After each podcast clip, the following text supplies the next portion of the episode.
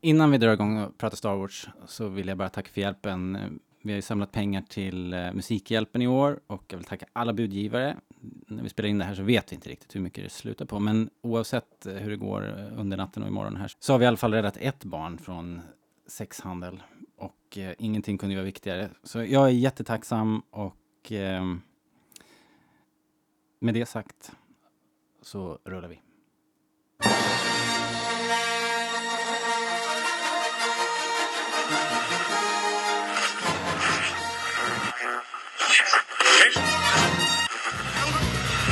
Det här är Rebellradion. Vi pratar allting Star Wars. Star Wars-pratradio när det är som bäst. Välkomna!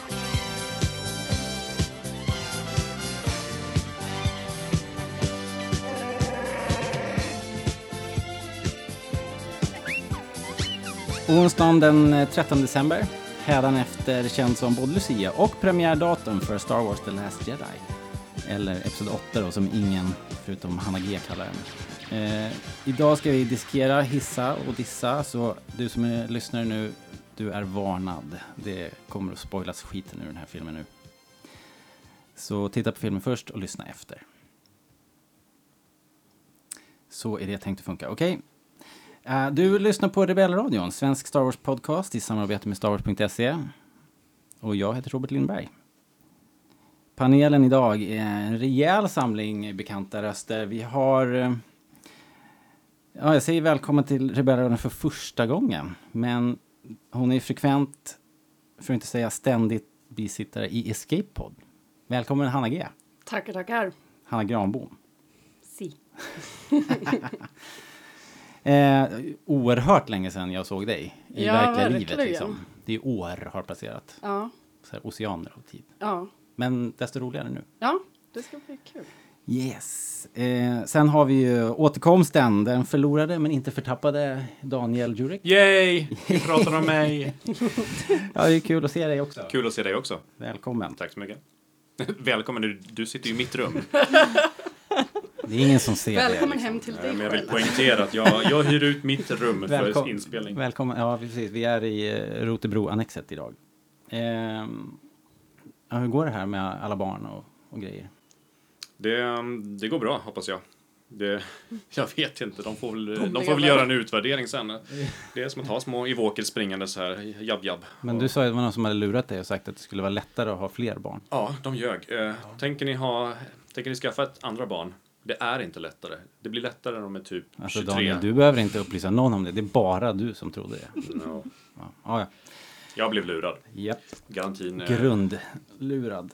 Eh, här vid bordet också, chefsredaktör och ägare av Stars.se, Fredrik Jonsson. Hej.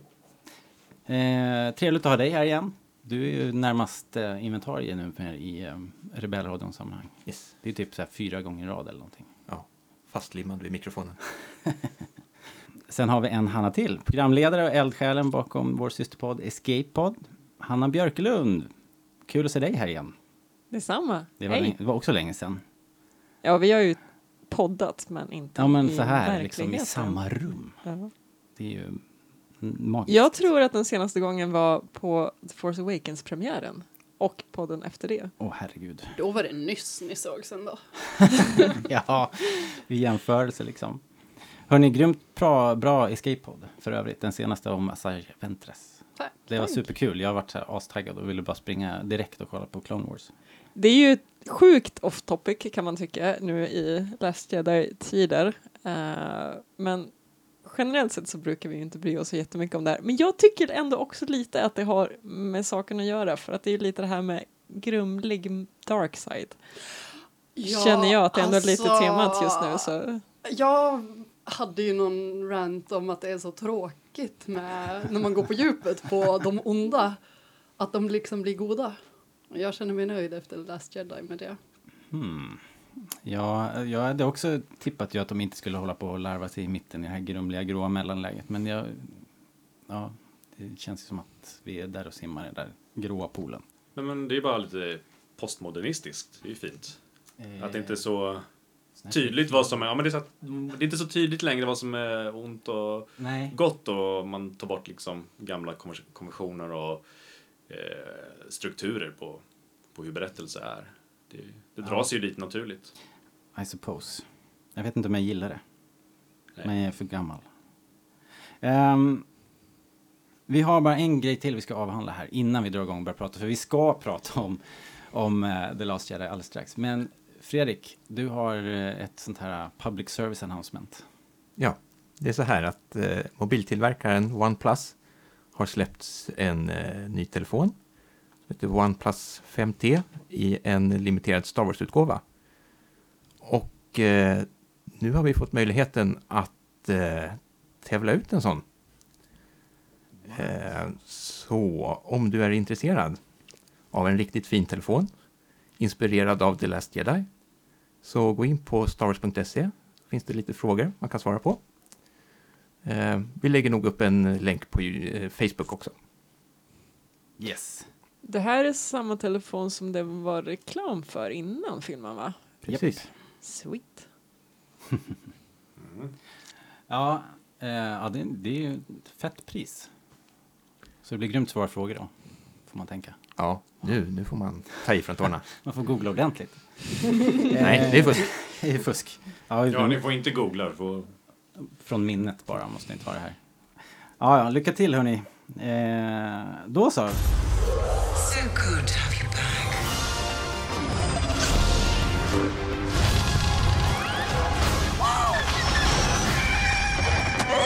Star Wars The Last Jedi. Rated PG-13. Jag tror vi drar igång direkt. Vi bryr oss inte om att köra några svepande recaps av filmen. Alla som lyssnar på det här har sett den och har den färskt i huvudet sådär. Så vi, vi drar igång direkt tror jag. Och det som jag tänkte vi skulle börja med kanske var prata lite grann om Ray och Kylo Ren Mm. som är i den här filmen får en de blir sammankopplade genom kraften på någon vänster. Eh, hur, hur tycker ni att det funkar? Det här, det här är ju helt nya liksom force-krafter. Vi har ju aldrig sett något liknande överhuvudtaget. Hanna, Hanna B. Vad tänker du om det här? Är det, är det här... Är det för mycket liksom? De, de satt ju liksom i samma rum och de, var, de, de blev... Det var ju fysiska manifestationer här. De rörde vid varandra liksom. Ja, och Kylo fick regn på sig lite sånt där. Precis. Eh, ja, jag är lite splittrad kring det där. Jag tyckte att det gjorde sig bra i filmen för att det var kul att få den kontakten eh, mellan dem. Men eh, just då kände jag när jag såg den så var jag lite så här, men får de verkligen göra så här med kraften? Vi vet ju vad kraften är, men å andra sidan liksom man måste ju vara okej med att nya regissörer också provar lite nya sätt att berätta historien. Så att jag är nog hyfsat positiv till det. ja, ni jag ju tycker det var skitsnyggt. Jag älskade det. Och jag tycker att det är så himla härligt varje gång Ray och Kylo Ren har någon form av kontakt med varandra. Och det där gjorde ju att de hade mycket mer kontakt med varandra än de hade haft annars, så jag är bara glad. Jag får känslan av att två emo-tonåringar som smsar varandra. Ah, nu har min pappa Eller- varit... Nu har min pappa varit dum igen. Ah, jag vet hur det är. Men jag tycker det var så himla snyggt första gången det hände. Att, och kanske fler gånger också. Att eh, det kändes som att båda var lite rädda. Och så här, nej, dyker du upp igen? Jag tycker att du är lite obehaglig. Och måste jag snacka med dig nu? Eh, Du ringer lite okej, olägligt just Jag nu. gör det bästa av situationen men jag är inte helt bekväm med det här. Det tyckte jag var skitsnyggt också. Kan inte svara, jag tränar. Det var ju... Ja men precis, det, för det är en häftig effekt ju. Mm. Men frågan är vad, vad det här kommer få för effekter liksom för hur, hur kraften används. Det var, det var flera grejer som jag tänkte på också. Yoda dyker upp och framkallar en blixt. Som är ju... Ex- Inte ur sina fingrar utan ur... Nej, en, han Moln. liksom påverkar vädret och en blixt slår ner. Det är ju liksom, då är han ju helt plötsligt ett force ghost som påverkar den fysiska världen på ett ganska brutalt sätt. Så då kan man ju fråga sig varför de inte ingriper mera i den fysiska världen när de kan göra sådana saker. Men jag vill bara hoppa tillbaka till det, för att de pratar med varandra är ju inget nytt. Vader och Luke gör ju det i slutet av Empire Strikes Back. Korrekt, just det. Så det är ju inget nytt, det är bara att den eh, används lite väl mycket just nu. Mm. Fram och tillbaka. Ja, det är lite tillspetsat Ja. liksom. Ja. nej, jag tycker också det är coolt liksom. Men jag är lite orolig för eh, effekterna. Liksom. Vad, vi, vad vi kommer att hamna i för force-träsk. Om, vi, om man kan göra... För det är det jag känner när de gör filmen, att de, de väljer de här greppen för att det är coolt och ser bra ut. Men frågan är vad som händer med... Är det lite för mycket öppna Pandoras ask och liksom Känns lite så. borde det här då det- få effekter i alla filmer som kommer efter det? För det blir ju lite sådär om det är sådana här superspecialkrafter eller superspecialgrejer överhuvudtaget då är det lite Mm. såhär varje film som kommer efter varför gjorde ni nu inte det här? Det var ju så smart Mm. i den här filmen. Ja, Liksom, bakåtkompabiliteten. ja, Men det är det som är så skönt med att den, de här filmerna kommer efter originaltrilogin i kronologin. ja. För då tänker jag att då får de ju friheten att ha såna här grejer att det här är någonting som har utvecklats med tiden, att förut kunde vi inte det här och nu kan vi det. Ehm, att de bara får köra på med det. Man slipper sitta så här, "Nja, men hur, hur kan ni göra det här nu när ni inte kommer kunna göra det 30 år senare? Det är bara att köra på. Men å andra sidan tycker jag att den äntligen har kommit till sin, alltså till sin rätta sida nu med, med kraften. För att jag känner alltid att de har förklarat kraften på olika sätt, i, alltså både i filmen och i serier och sånt, som jättemäktig. Men jag tycker speciellt George Lucas har varit ganska dålig med att, med att liksom använda sig av det, ganska fantasilöst. Det har varit ganska så här, små fjuttiga, jag flyttar en liten grej där. Lite som Luke säger, tror det bara handlar om att flytta stenar. Det känns ju liksom som det finns så mycket mer och jag tycker liksom att man alltid fått en större bild av vad Force är. För, men det är bara att det har inte utnyttjats. Förutom till exempel i Force Unleashed när man drar ner hela stora Star Destroyers. Det, är ju, det var nog den första gången jag kände att man använde kraften på ett, alltså ett massivt sätt. Att det gick liksom inte var bara att flytta små saker, du kunde liksom dra ner en hel Star Destroyer. Så jag, jag tycker bara att saker faller på plats just nu. Kanske skönt att det utvecklas åt det hållet, som du säger, istället för att bara lyfta tyngre saker. Liksom. Så Ja, eller sluta lite- begränsa ja. sig och liksom, vi får inte göra så här för att pappa Lukas gjorde inte så. Nej, det är ju också bra om de, om de kan hålla eh, ordning på allting de hittar på bara. Mm. Eh, Hanna, vad tänker du om Luke då? Isolera sig på Ahdu, han har sett där i ett halvt liv och, och surat och fiskat. Och, Eh, hur Ja. väl liksom stämmer det här överens med dina förväntningar och spekulationer? Och sådär? Ja, ehm, jag tror att jag var väldigt inställd på innan filmen att det skulle vara en stor sekvens av filmen som handlar om att Luke tränar Ray till att bli en jedi. Och det kändes ganska tråkigt. Jag var inte så jättesugen på att se den träningen liksom. Så jag är väldigt glad att det inte alls hände. Mm. Att han var så här grumpy och bara, nej men alltså, jedi-orden, bort med skiten. Det, jag gillade det. Ehm, men samtidigt hade jag liksom velat se honom använda kraften mer. För att jag tänker att nu har det gått många år sedan episod 6 och han måste ha utvecklats så himla mycket. Mm. Nu har han liksom inte gjort det för han har suttit på en ö och tjurat och väntat på att dö Meditera. istället. Ja, just det. Han Men- hade åkt dit för att dö. Ja, men precis. Elefantkyrkogården. Ja. Eh, och vi får ju se honom använda kraften lite på slutet och det var jag jätteglad över. Men jag hade gärna sett mer. Det men var om, ju maxat om, om liksom. det är men- priset jag får betala för att slippa en hel sekvens av hur han tränar Ray så är jag glad.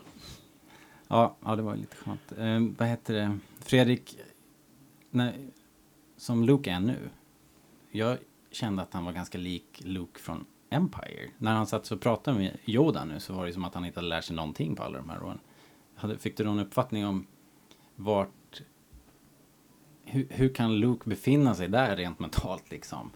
Inte det lite konstigt att han var så vilse liksom? Det känns ju som att han själv har, eh, har skärmat av sig lång, eh, innan han träffade Ray. Mm. Han var ju väldigt blasé över allting som hade med kraften att göra. Så jag, jag, Men är det inte lite konstigt att han bestämmer sig för att döda barnet Kylo Ren? Nej, Ben Solo hette han ju då. Men han var, men han vart, han vart ju liksom på något sätt överväldigad och rädd. Ja, Och sen så om man ska tro Lukes historia så vart han ju, ångrade han sig ju direkt. Ja, han, han hade ju knappt sagt precis. på Han ljussabeln stod ju liksom. där väldigt Ja. oskyldigt med ljussabeln i handen men jag kan förstå att Ben liksom tolkade det som han gjorde när han vaknade. Ja, men det känns så himla ojedi att Mm. gå och liksom läsa tankar på någon som sover och sen komma till slutsatsen att jaha, det fanns mörker här, jag ska döda honom i sömnen. Men å andra sidan så kommer han ju från en Skywalker-familj som har lite Ja. dålig historia av att halka åt fel håll. Ja. Eh, Men sen har han ju också själv liksom dragit åt det hållet när han hugger mot Vader i Return to Jedi till exempel. Så att han har ju liksom Mm. Men jag balanserat tänker snarare det som att det skulle vara anledningen till att han inte gör det nu. Att han, han har dragit åt det hållet och sen har det gått en massa år. Jag förväntar mig att han ska ha lärt sig någonting under den tiden. Men, Men det undrar jag lite grann. Hur har han liksom utvecklats till att bli en jedi-mästare? Ja, ut, utan någon yttre hjälp. Liksom. Ja visst, han har haft litteraturen eh, och kanske en eh, lite force ghost som har peppat honom. Liksom. Men hade han läst böckerna? ja, det var väl inte ens...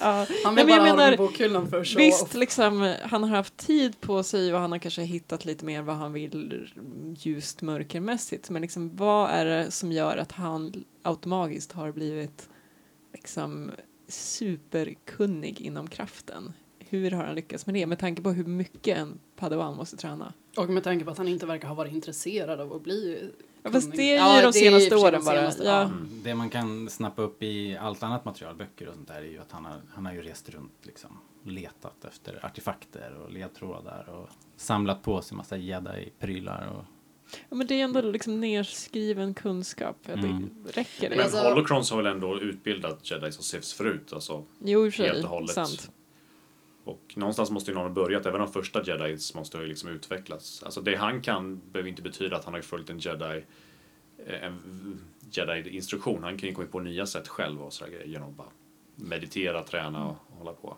Sen är det ju så himla lurigt också för ena sekunden så om man kollar hur Jedi-orden betedde sig med du måste uppnå vissa nivåer och du måste göra trials och hit och dit. Och sen så i nästa sekund så sitter Yoda här på en sten och säger nej, nej, men så här, Ray, hon har ju allt hon behöver liksom. Mm. Så att det verkar vara lite flytande. Ja, men det stör... äh, förlåt, äh. Nej men det stör ju mig också eftersom hon kommer till ön och vi förväntas träning samtidigt som vi inte vill se en träning för det ska vara så det har gjorts förut. Mm. Så känns det som att nu ska du tränas och hon skulle, hon skulle lära sig tre steg eller vad det var. Hon fick lära sig en, ett steg och sen åkte hon iväg. Nej, två. Men han, hans steg handlade ju om att han inte ville lära henne. Ja, att, Ja, det var ju inte några riktiga steg. Det var ju inte en riktig träning. Han Det var ju inte så här, de här tre stegen, sen är du jedi. Ja, jag minns det. Det känns som att typ hon mer- fick ingen träning och stack iväg. Nej. nej, alltså de stegen, de, det var ju mer så här moraliserande över hur man inte ska göra. Ja, men som precis. Jedi-orden alltså. Ja. Men jag tänker att det där är så himla kontextbundet också. Att det är klart att det fanns en massa steg du behövde gå igenom och officiella trials och sånt där. Bygger man en skola, På- då kommer det regler. Ja, liksom. men under republiken. Men, Ja. men liksom från originaltrilogin och framåt, då är det inte så himla... Det finns liksom ingen stor jedi-order. Det är klart att de gör lite som de vill då. Ja. Om jag var enda jedin kvar skulle jag också kalla mig jedi-mästare. Mm. Eller upp direkt. Det gör jag varje dag. Um, ska vi bara snabbt eh, göra en Yoda-utvikning här också. Han, han säger två saker. Han säger att misslyckande, det är ju också en, en läxa man kan lära sig någonting av i princip. Var det väl vad han kokade ner till. Och sen så sa han också att den största bördan för en mästare, det är att se studenten överträffa en. Det var de två visdomsord som han kom med där. Eh, hur står de sig, tycker vi? Så här, jämfört med gamla klassiska Yoda-citat som har gått till historien och ändrats folk, folks liv och allt vad man har hört genom åren. Liksom. Jag minns inte alls så mycket av det här, för att jag var, jag var mer distraherad och att jag tyckte han kändes konstig. Han kändes e, alltså, elak på något sätt. Han kändes som en evil Yoda. Jag var jättedistraherad för jag bara kände det här känns fel. Är han typ besatt eller någonting? Men det kände- han, men han kändes ju inte som gamla Yoda. Han kändes ju... Nej, inte, det kändes som något... Ja, men onda tvilling. Kanske lite som den där mörka sidan från Clone Wars. Mm. Det, kändes, det, det kändes, kände jag inte det kändes alls. jätteannorlunda. Det kändes inte alls som Yoda. Han såg ut som Yoda, lät som Yoda. Men jag fick inte liksom vibbarna eh, att det var gamla Yoda. Det fick jag i och för sig från många andra karaktärer också som vi kan gå in på senare. Men jag tyckte det var jättesvårt. Då tycker jag nog tvärtom, att personlighetsmässigt så klickar han bra för mig. Okej. Däremot så tyckte jag nog att han såg väldigt stel ut precis i början. Mm. Det var ju Jag, jag kände väldigt en- mycket, här, här är ju en docka som, liksom, det är ju inte ens någon som har handen uppe i... Ja. I vadå? Ja, men det, var, men det var väl det som var härligast av allt nästan. Att det var en gummidocka. Ja, men Att det gillar jag. Ja, liksom. Ja, alltså dockan, ja, ja men det, det är precis en, en, en scen i början. Det känns Ja. inte ens som han rör på ögonen eller liksom sådär. Ah, okej. men, men sen lite senare så tycker jag att han kommer igång. Då känns det ju som att, Frank också har lagt av sig lite. ja, Han är inte lika flink i fingrarna. ja, ja. Um, all right. Hur, um, Daniel Ray då, hon, hon gör ju liksom en, en rejäl resa. Och särskilt om man tänker på att eh, The Force Awakens är ju liksom bara en, en precis innan den här filmen också. Mm. Så hon har liksom inte varit med i matchen så här jättelänge. Ehm, men var det någonting i den här i hennes resa nu och den här arken som, som förvånar dig? Eller var det, var det ungefär vad du hade sett framför dig? Nej, jag, jag är förvånad att hon inte gjorde mer. Alltså att hon inte fick mer träning. Det kändes som hon fortsatte på den här diskussionen som man har haft om, om hur kan hon vara så bra utan att ha tränat. Det känns liksom att hon kom dit för att visa upp sig själv och sen bara, ah, ja, nej men du är en jedi, hej då. Jag tycker liksom inte att han har en resa. Hon, eh, hela partiet när hon är på ön var väldigt seg också i filmen. Men sen också när hon träffar Snoke och så och vi får reda på hennes bakgrund Ja, och liksom det, det, det är inte laddat med en massa eh, information som liksom gör att hon framstår som väldigt kraftfull eller liksom att det finns ju liksom ingenting i hennes bakgrund som tyder på att hon skulle vara supermäktig eller komma från någon- Nej, men jag tycker bara så, jag tycker att hon utvecklades. Jag tycker hon var i, samma stadie som hon var i slutet av förra filmen. Jag tycker liksom, Fast de pratar om för sig med en helt annan pondus liksom. ja, jag tycker Hon- fortfarande hon är pratar samma. Du frågar mig, jag svarar. Ja, jag förstår. jag, nej, men jag tycker, jag tycker, jag tycker, hon tycker hon utvecklades minst av alla karaktärer, om jag ska vara ärlig. Mm. Jag tycker hon var lite samma. Det var lite som att de inte vågade röra henne och nu har vi gjort henne poppis, vi tycker om henne som hon är, fansen tycker om henne, vi låter henne, vi pillar inte för mycket med det. Vi byter frisyr på henne lite grann, det får räcka. Ja, lite.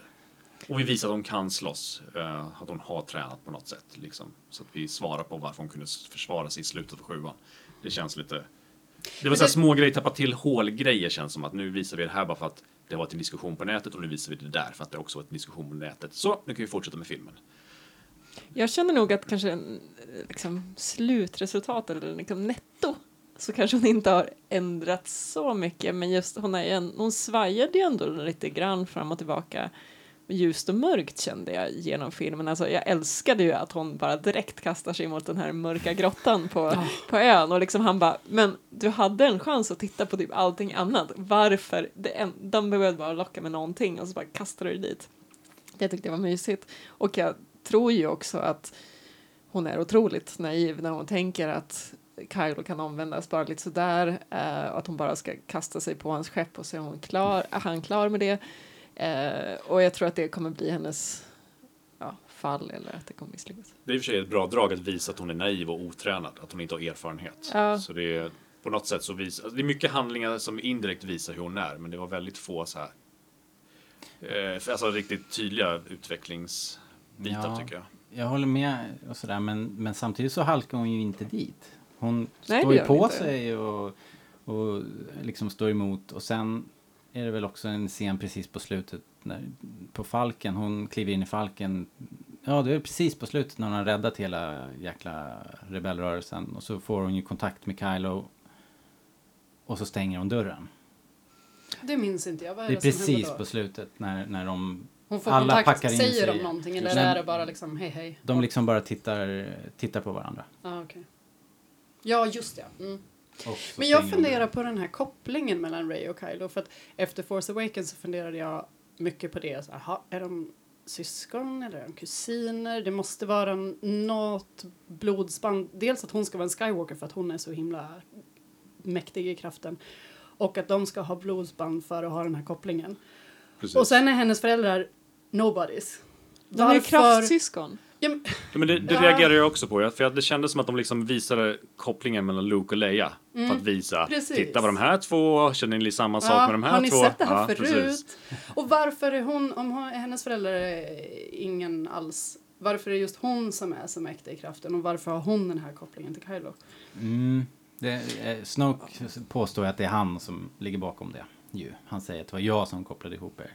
Ja, men inte precis, den, men, men- inte i Force Awakens väl, utan det var väl just den här Nej. grejen att de kunde se varandra Ja, ja Mm, precis. precis. precis. på olika platser. Ja, det. att Ja, det var det han hade gjort. Men hon är ju någon slags kraftmotpol och då menar jag just liksom varför hon råkar bli det. Varför just Ja. hon som person råkar bli det. Ja men precis, för att efter Force Awakens kändes det som att det var en släktkoppling som gjorde att hon var den motpolen. Jag tror att vi har fastnat för mycket vid blodsband och släktband. För att Ja. visst, vi har Ja. Skywalker, liksom, gänget.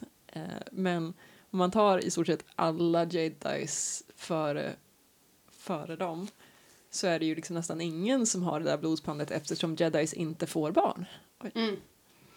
Eh, så att liksom, jag vet inte vad det är som gör att vi tror att det hela tiden måste vara så att du har mäktiga föräldrar om du själv har blivit jedi när i stort sett alla jedis vi har sett i rådet och sånt där har ju antagligen inte haft jedi-föräldrar till exempel. Nej, de det gör är ju en sant. grej av att de åker runt och plockar barn som har Ja. talang. Liksom. Ja, precis. Så det att liksom, jag tror att familjer. vi är helt låsta vid blodsbandet av inga anledningar alls. Hela, Nej, det, det har inte jag brytt mig om, för det, det visar man ju bara på barnet i slutet som är stallpojken. Han är, han är ju bara en, Ja, precis. eventuellt en ny jedi eller force user. Ja. Men jag tyckte, bara, jag tyckte också precis som Hanna att det var väldigt, det kändes tydligt att de demonstrerade hur kopplingen var mellan Luke och Leia flera gånger och sen liksom Mm. försökte peka på Ray och Kylo på något sätt försökte säga, ah, ska ni hinta lite att det finns Ja, men någonting. hennes kraft är ju kopplad till hans. Det är bara att det råkar vara slumpmässigt vem det blev Ja. i universum. Men det är väl det kanske att Alltså det är ju en sak att vara mäktig i kraften men just den där kopplingen kändes så. Men det är som du säger säkert att jag har snöat in på det här med blodsband och det behöver inte ha med saken att göra uppenbarligen. Det där är också en tydlig grej som hela filmen känn, alltså, gick ut på att göra och li- liks- liksom bitch-slappa fansen lite. För det känns som allt som folk har diskuterat ville Ryan Johnson liksom, åh ni vill veta svaret på det här. Typ bara, ja, det får ni inte veta. Eller ni vill veta svaret på det här. Det var ingenting. Ja, det känns liksom- Ni har utarbetade teorier om hur det hänger Exakt. ihop. Det här Ni tycker, är inte relevant. ni tycker Snoke var superspeciell och vill ha en st- Han dog.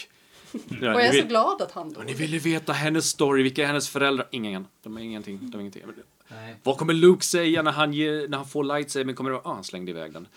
Det kändes verkligen så här, verkligen som att han ville sätta folk på plats. Det tyckte jag var så jävla skönt och samtidigt liksom eh, Ja, men sätta han JJ Abrams lite på det, plats. hade han infriat alla de förhoppningarna, då hade vi ju gått därifrån och sagt att Åh, den här filmen är så väntad. är Ja, precis. tråkigt." Precis. Jag är glad att han gjorde Så det. jag gillar den anarkin lite på något Mm. sätt. Men samtidigt också känner jag, det känns som att han liksom inte vill spela JJ Abrams spel. Han har liksom Ja. rensat upp allting som Abrams ville bygga upp. Så, åh, det här är mäktiga Snoke. Ja, han dör.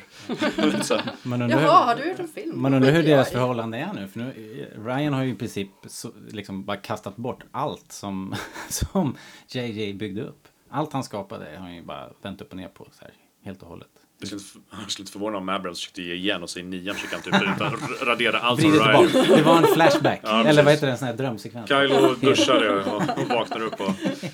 Just det. Ja, vi går vidare lite grann och, eh, när vi ändå pratar om dem. Eh, Hanna, Kylo Ren, hans drivkrafter och vad, vad tror du i det livet han hade där innan den här filmen började? Vad var det som drev honom liksom medan fortfarande, när Snoke levde? Vad brydde han sig lika mycket om Luke och Jedi-orden och... Eh, Ja, jag känner mig ju lite förvirrad över det här. Eh, vad hans motiveringar egentligen var när Snoke fortfarande fanns. För jag fick lite känslan av att han mest liksom ville bli kanske mäktig eller i varje fall lite uppskattad av Snoke. Liksom den lite så här daddy issues eller någonting sådär. Nej. Alltså jag kände lite att det var Snoke som hela tiden drev på att vi behöver förstöra resistance, vi måste definitivt förstöra Luke för att förhindra att det någonsin blir en jedi order. Medan Kylo var ju motiverad för att det var hans order. Liksom, han ville kanske imponera på Snoke men det kändes inte som någonting som kanske var så mycket hans egen grej. Eh, och sen så förgör han sin mästare och pratar massa om att nu kan jag bli mig själv. Liksom, vi måste förstöra det här gamla, de har så tråkiga gamla åsikter. Och sen så tar han över exakt samma drivkrafter. Liksom. Och nu ska vi döda Luke, nu ska vi döda Resistance. Visst, Resistance är ju liksom hela First Order, men liksom det är ändå han som tar över eh, ja. dem. Så att det kändes som att han pratade så himla mycket om att frigöra sig och så ändå ligger han kvar och skvalpar i exakt samma vatten. Men menar inte han att han ska frigöra sig genom att döda alla? Att det är det han har påbörjat med? Jo, men liksom, ja, men då kan väl döda vem som helst. Liksom. Alltså jag menar att det kändes som att, att just specifikt välja ärkefienderna som Snoke hade Mm. och liksom bara ta över och bara liksom tro att det är någonting som han själv har kommit på men det är egentligen någonting han bara liksom tränats med och trott att det är standard liksom. Men är det inte kopplat, tror du, till liksom Leia som ju i allt väsentligt är motståndsrörelsen och Han Solo som eh, han verkar hata mest av allt. Och sen eh, har vi ju Luke då som, som det kanske av är som ni säger. anledningar är en, en, en person som han Och nu kanske han liksom är mer besviken på Ray också för att han försökte bygga ett Ja. team med henne och hon var inte intresserad Jag tror av det. inte han kommer försöka förstöra henne utan fortfarande kämpa mycket för att omvända henne. Ja, men att det blir en drivkraft på ett Jo, sätt att han har blivit. Ja. sviken av henne eller vad man ska kalla det. Nej men ni kan säkert ha rätt att det är liksom det, det Leia och Luke han nu också försöker klippa av banden till i samma veva. Det är mest bara att det var lite oklart vad han ville innan och det kändes som att han var, hade så otroligt mycket konflikter inom sig själv innan Snoke dog. Och det var liksom det här att han var helt skadad efter att ha dödat sin far. Eh, och sen och han pratar liksom att ah, men Sith och Jedis nu slipper vi det här. Och sen dödar han Snoke och blir liksom ja, symbolen för den mörka kraften fullt ut. Det, liksom, det ljusa försvinner ju helt i samband med det. Så det känns ju bara som att han tog över Snokes roll. Mm, lite svårt att reda ut faktiskt. För att hans, hans drivkraft i The Force Awakens var ju, han, vill, han ville ju såklart imponera på Snoke, men han ville ju också bli ny Darth Vader. Det var ju liksom, Jo, jo, det är sant. det var ju Ja. nästan, Mm. han hade ju ett litet... Eh, Tempel. han- Ja, typ, vad heter det? Som ett litet eh, shrine där med prylar. Och, och liksom bad nästan till Darth att han skulle få nya, få styrka och sådär. Medan nu då, som du säger, så kliver han in i en kejsarroll här helt plötsligt och bara tar över allting. Ehm, ja, jag vet inte. Vi får det här.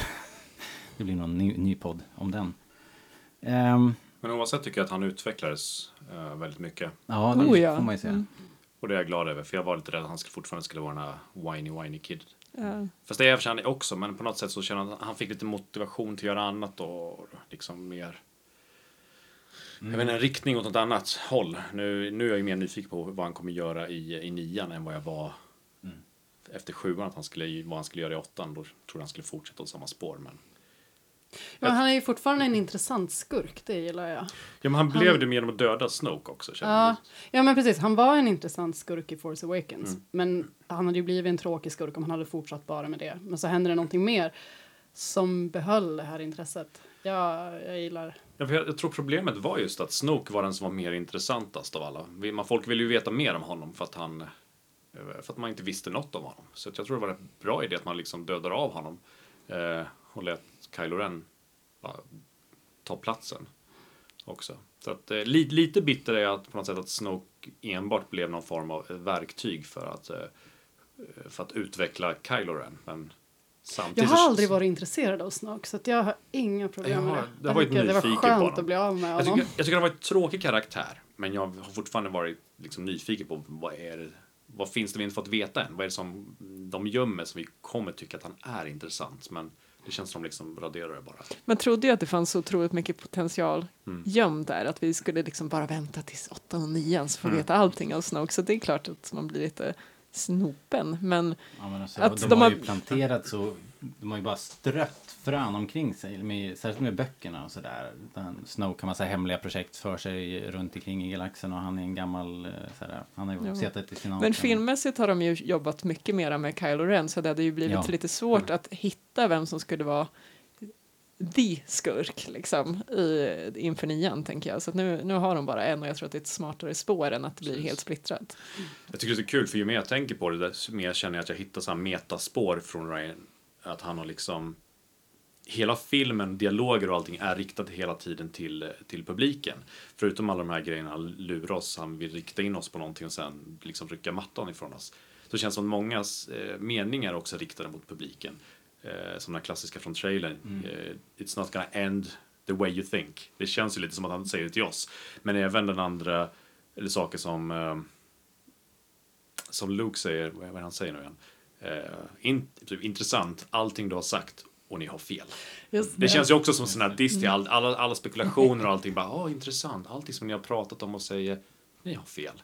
Det, man, man kan liksom tolka väldigt mycket i den filmen som är eh, lite som en diss till. Eh, på, på ett skämtsamt sätt, diss, inte ett otrevligt sätt. Men Nej men det ligger ju helt i linje med det som vi sa förut att han har ju tagit allting som JJ gjorde och så har han bara vänt formen upp och ner liksom. Men också den här grejerna, typ ut med det gamla, in med det nya. Det känns ju också liksom så här, samtidigt som man Oh, ja. rensar bort de gamla. Det är också så här liten, hör, hör ni publiken, det här kommer gälla nu liksom. Jag tar bort det gamla. Ni, vill ni se de gamla får ni kolla de gamla filmerna. Ja, nu kör vi nya grejer. Apropå en grej som de har städat undan i all hast, det är ju The Knights of Ren. Vad ska vi tänka om det liksom? Det- Det kan ju omöjligtvis vara så att de bara har glömt det. Nej, jag, jag tror antingen så kanske de kommer senare eller eller så har de inte haft en stor betydelse. De kanske bara följt med honom på hans små raider. Men liksom inte varit en stor grej. Alltså bara, Det är hans shopping buddy som man hänger vi, med på Vi har väl liksom inte fått veta så mycket om Knights of Ren förutom i konceptböcker och liknande. Och liksom där i konceptstadiet så namnger man ju och ger historia till minsta lilla grej. Det fanns ju liksom jättemånga karaktärer som var i bakgrunden, barer och sånt som hade namn och bakgrundshistorier som vi liksom inte har tänkt på efter. Både i, här, i den här filmen, eller i sjuan och Rogue One och så. Ja men alltså det Så är en att- tappad boll. Om, killen heter ju Kylo Ren och, och det är ju snack i, i The Force Awakens om att han är, vad är det de säger, The Mighty, vad säger han där, Snoke? The Mighty leader of Men det är ju- the Knights of Ren. Det är ju fortfarande en bakgrundshistoria för att jag, Mm. det känns ju som Kylo Ren har gjort andra saker än, än att vi heter det, än bara liksom utplåna Jedi-templet och sen sitta och vänta på att Ray ska komma in i bilden. Så du har ingen förhoppning om att de dyker upp egentligen? Jo, jag hoppas ju på det för de ser intressanta ut. Jag hoppades ju nästan att de här röda vakterna som Snoke hade var liksom dem. Mm. Eh, De var väl rätt till antal och var lite häftiga, men jag tror inte det är det. Men vi får se. Men jag upplevde ju att Knights of Ren blev omtalade i Last Jedi i och med att Luke säger att liksom, ja, Kylo Ren dödar av en hel del av Jedis men han tar också med sig en del därifrån som då mm. liksom underförstått att de sluter, sluter, sluter upp kring honom och hans idéer. Så att jag tolkade det ju som att vi får se vad fröet av Knights of Ren kommer ifrån. Men vi får inte se något mer av, men i och med att de nämner ändå att det är ändå en del jedi som följer med honom så tror jag absolut inte att vi har fått se det sista av hans posse. Men de Jedi som han tog med sig kunde ju likaväl varit de här röda vakterna. Också. Men har de några, visade de upp några forcekraft överhuvudtaget? Kändes inte så. Nej, men de- de... Borde de inte åtminstone utnyttjat det lite grann? Kanske, jag vet inte. Men jag, jag, vet jag, jag lika lite som du ser kopplingen där, ser koppling, alltså lika lite, lite koppling till att de skulle vara Knights of Ren. Jag ser inte den kopplingen. Det, det kan Men det, vara jag säger inte att jag har fel, jag säger bara att jag ser inte kopplingen just nu i alla fall. Nej, men jag är nog inne på ditt spår också, Daniel. Eh, för det känns som att hela filmen går ut på att rensa upp antalet plottrådar Mm. inför Episod 9. Mm. Och jag tror liksom att det här är, ja, de har bara låtit det vara. Det, det är säkert de här röda snubbarna liksom. För att, hur, hur ska de kunna liksom introducera, vad är det, sju, åtta nya skurkar i nästa film? Ja. Den får väl bli lite längre. Det verkar ju inte vara ett problem. Fast jag ser fortfarande inte, alltså jag menar de röda snubbarna är ändå Praetorian Guard he- heter de? Alltså de har väl introducerats som Snokes liksom, privata livvakter och eh, det var ju ingenting som tydde på att de skulle vara ledda av Kylo Ren. eh, Tyckte Nej. jag, liksom, Nej, utan det kändes som att de, de- de, de är ju lojala mot Snoke så när Snoke dör då måste de hämnas sin ledare, inte liksom Men det kan ha ju något skett off-screen befordran emellan. Liksom, det har ändå gått år mellan att han lämnade Jedi Academy och eh, till sjuan där vi var sen. Ah, det har så ju hänt han- så, så det kan ju hänt Ah, ja. saker på vägen. Liksom, Kylo och hans knights sprang runt och gjorde saker. För jag ser ju den där visionen i regnet ser ju inte jag kopplad till Jedi-templet. Det känns ju som någonting efter Jedi-templet när han har dräkten på sig, står i regnet där. ja, det Så det känns ju som saker har hänt efter. Just det, det och, måste ju vara. Ja, för att han flydde ju liksom, han var ju en jedi, han hade ju inte dräkten då Nej, när han exakt. flydde från Luke. Så det känns som en helt annan situation. Så jag tänker mig att han har gjort saker emellan och sen liksom de kanske har blivit uppgraderade till vakter för de har förtjänat det. Han kanske inte behöver flera, liksom, ett liten posse, han kanske klarar sig själv. Eller han kanske har blivit uppgraderad till att liksom hänga med armén, First Order-armén. Ja, han kanske har gjort en Jedi Purge liksom efter sen med sina, ja med Det några andra lirare liksom. Ja, ja, Vi får se. Vi får se om de dyker upp. Uh, Fredrik, Leia måste vi prata om eh, var ju härligt att se henne liksom. Samtidigt som man visste att eh, någon gång här under de här två och en halv timmarna så måste det ta slut. Det var ju det man satt och väntade på. Eller hur? Så när den här bryggan sprängdes där då tänkte man oj, redan? Eller? Var det bara jag som tänkte? jo, Jag var lurad. jo, det kom väldigt tidigt. ja. Eh, Men det, det, jag tycker det är så tudelat för att den scenen som följde efter att bryggan sprängdes, den var ju väldigt, väldigt snygg. De bara svävar, alltså stillsamt, liksom död som vi tror i rymden, samtidigt som man spelar hennes tema liksom i, ja. i bakgrunden. Eh, Det hade varit väldigt värdigt slut om de hade slutat där. Men samtidigt så tänker jag om de hade slutat där, då hade vi aldrig kunnat fått Luke och Leia. Nej, Och jag tänkte, hur galna hade inte vi fans blivit? ingen då. återförening. Nej. Nej. Igen. Nej, precis, för det var ju det som många klagade på i The Force Awakens. Ehm, nej, precis. Det var, var Jag vet faktiskt inte vad jag tänkte där. Jag tyckte nog att det var, det var en helt galet liksom. Först tänkte jag nog att det inte var så värdigt att hon flöt omkring där och som en isglass liksom. Det kändes... eh, Jag är, tyckte det, det- så, är det så här det ska sluta? Det jag tyckte det kändes- var vackert. Ja. Det kändes lite utdraget där och då kände jag att någonting kändes fel. Just när hon flöt för, för mycket i rymden. Där. Det såg lite fånigt ut när hon flöt in till bryggan igen Ja, tyckte jag. Det var jag lite också. så här spöket Laban-aktigt. Mary vis. Poppins. ja. Ja, Ja, där, där har vi det. Nej men jag håller med, Det det är kändes svårt. väldigt skumt. Får jag bara tipsa om att ifall ni vill se folk som dör i eh, rymden i vakuum så rekommenderar serien The Expanse som verkligen tar sitt säsong två. Där har vi ganska mycket sådana här så att jag, jag sitter precis och tittar på den nu och bara åh det är så fint när folk dör i rymden. och, det var, och de gjorde det på ganska snarlikt sätt för jag menar förr i tiden så var det ju liksom så här åh du exploderar eller det liksom det var alltid lite extremt när folk hamnade i vakuum och just det här att de börjar använda sig av att så här, men du kan faktiskt överleva en liten, liten stund. Mm. Framförallt om du är jedi så klarar du det lite längre. Eh, men jag tycker att det är ganska coolt att de börjar lära sig fysik. Hur, hur rymden funkar. Ja. Men, men det kan ju inte vara väl, om man nu pratar eh, liksom vår fysik här. Det kan ju inte handla om så här särskilt många sekunder innan liksom alla vätskor bara kokar. Nej det är det ju inte, men det är ju inte den här explosionsgrejen som Nej. det var liksom förr i världen. Ögonen ploppar väl ut ganska fort. Jag tror att det mesta är att blodet börjar koka som man dör av. Det är Ja. liksom trycket som är skurken. Ja, skitsamma. Det var coolt i alla fall. Och för en gångs skull fick vi se Leia som någon sorts super force user. Det har man ju väntat på ett tag. Men det är ju en ganska... alltså det är ju en oerhört kraftfull grej som hon gör här. Men det är ändå väldigt... Det är ju en extremt passiv förmåga liksom. Så att vi fick inte någon eh, jedi-Leia direkt. Är det ingen som bryr sig att Akbar dog? Nej. Jag blev mer förtvivlad där bara, Akbar dog. Man bara, va? Ja det var ju Det verkligen lite periferin. Det var sorgligt. Jo, det var det De sa ju det också. så- Ja, ja, de nämnde ju honom. Ja. Ehm, En tyst minut för Akbar. Tack för allt, säger vi. Tack. Ja, det var eh, It's a wrap. just när vi försökte bygga upp någon sorts moment av värdighet. Ja, men du vet att jag är stämningsdödare nummer ett. Men det var ju Ehm, lite otippat att hon har liksom gått från att eh, ja, men ha en väldigt så här perifer roll där den kommer till kraften och liksom hon, man ska mest bara se att hon har lite telepati Mm. med Luke ungefär till att hon gör något sånt där extremt storslaget. Men undrar ju lite vad hon har gjort alla de här åren mellan. Hur aktiv har hon varit? Har hon varit Mm. med mycket i striden? Har hon använt kraften mycket? Ja, det har vi varit inne på lite innan i poddar, liksom, att vi, det beror lite på vilket EU man läser. Ja, Eh, och det ska bli spännande nu känns det som när de har det här i kanon vad de kommer göra i de här 30 åren emellan nu. Vad kommer de liksom utveckla?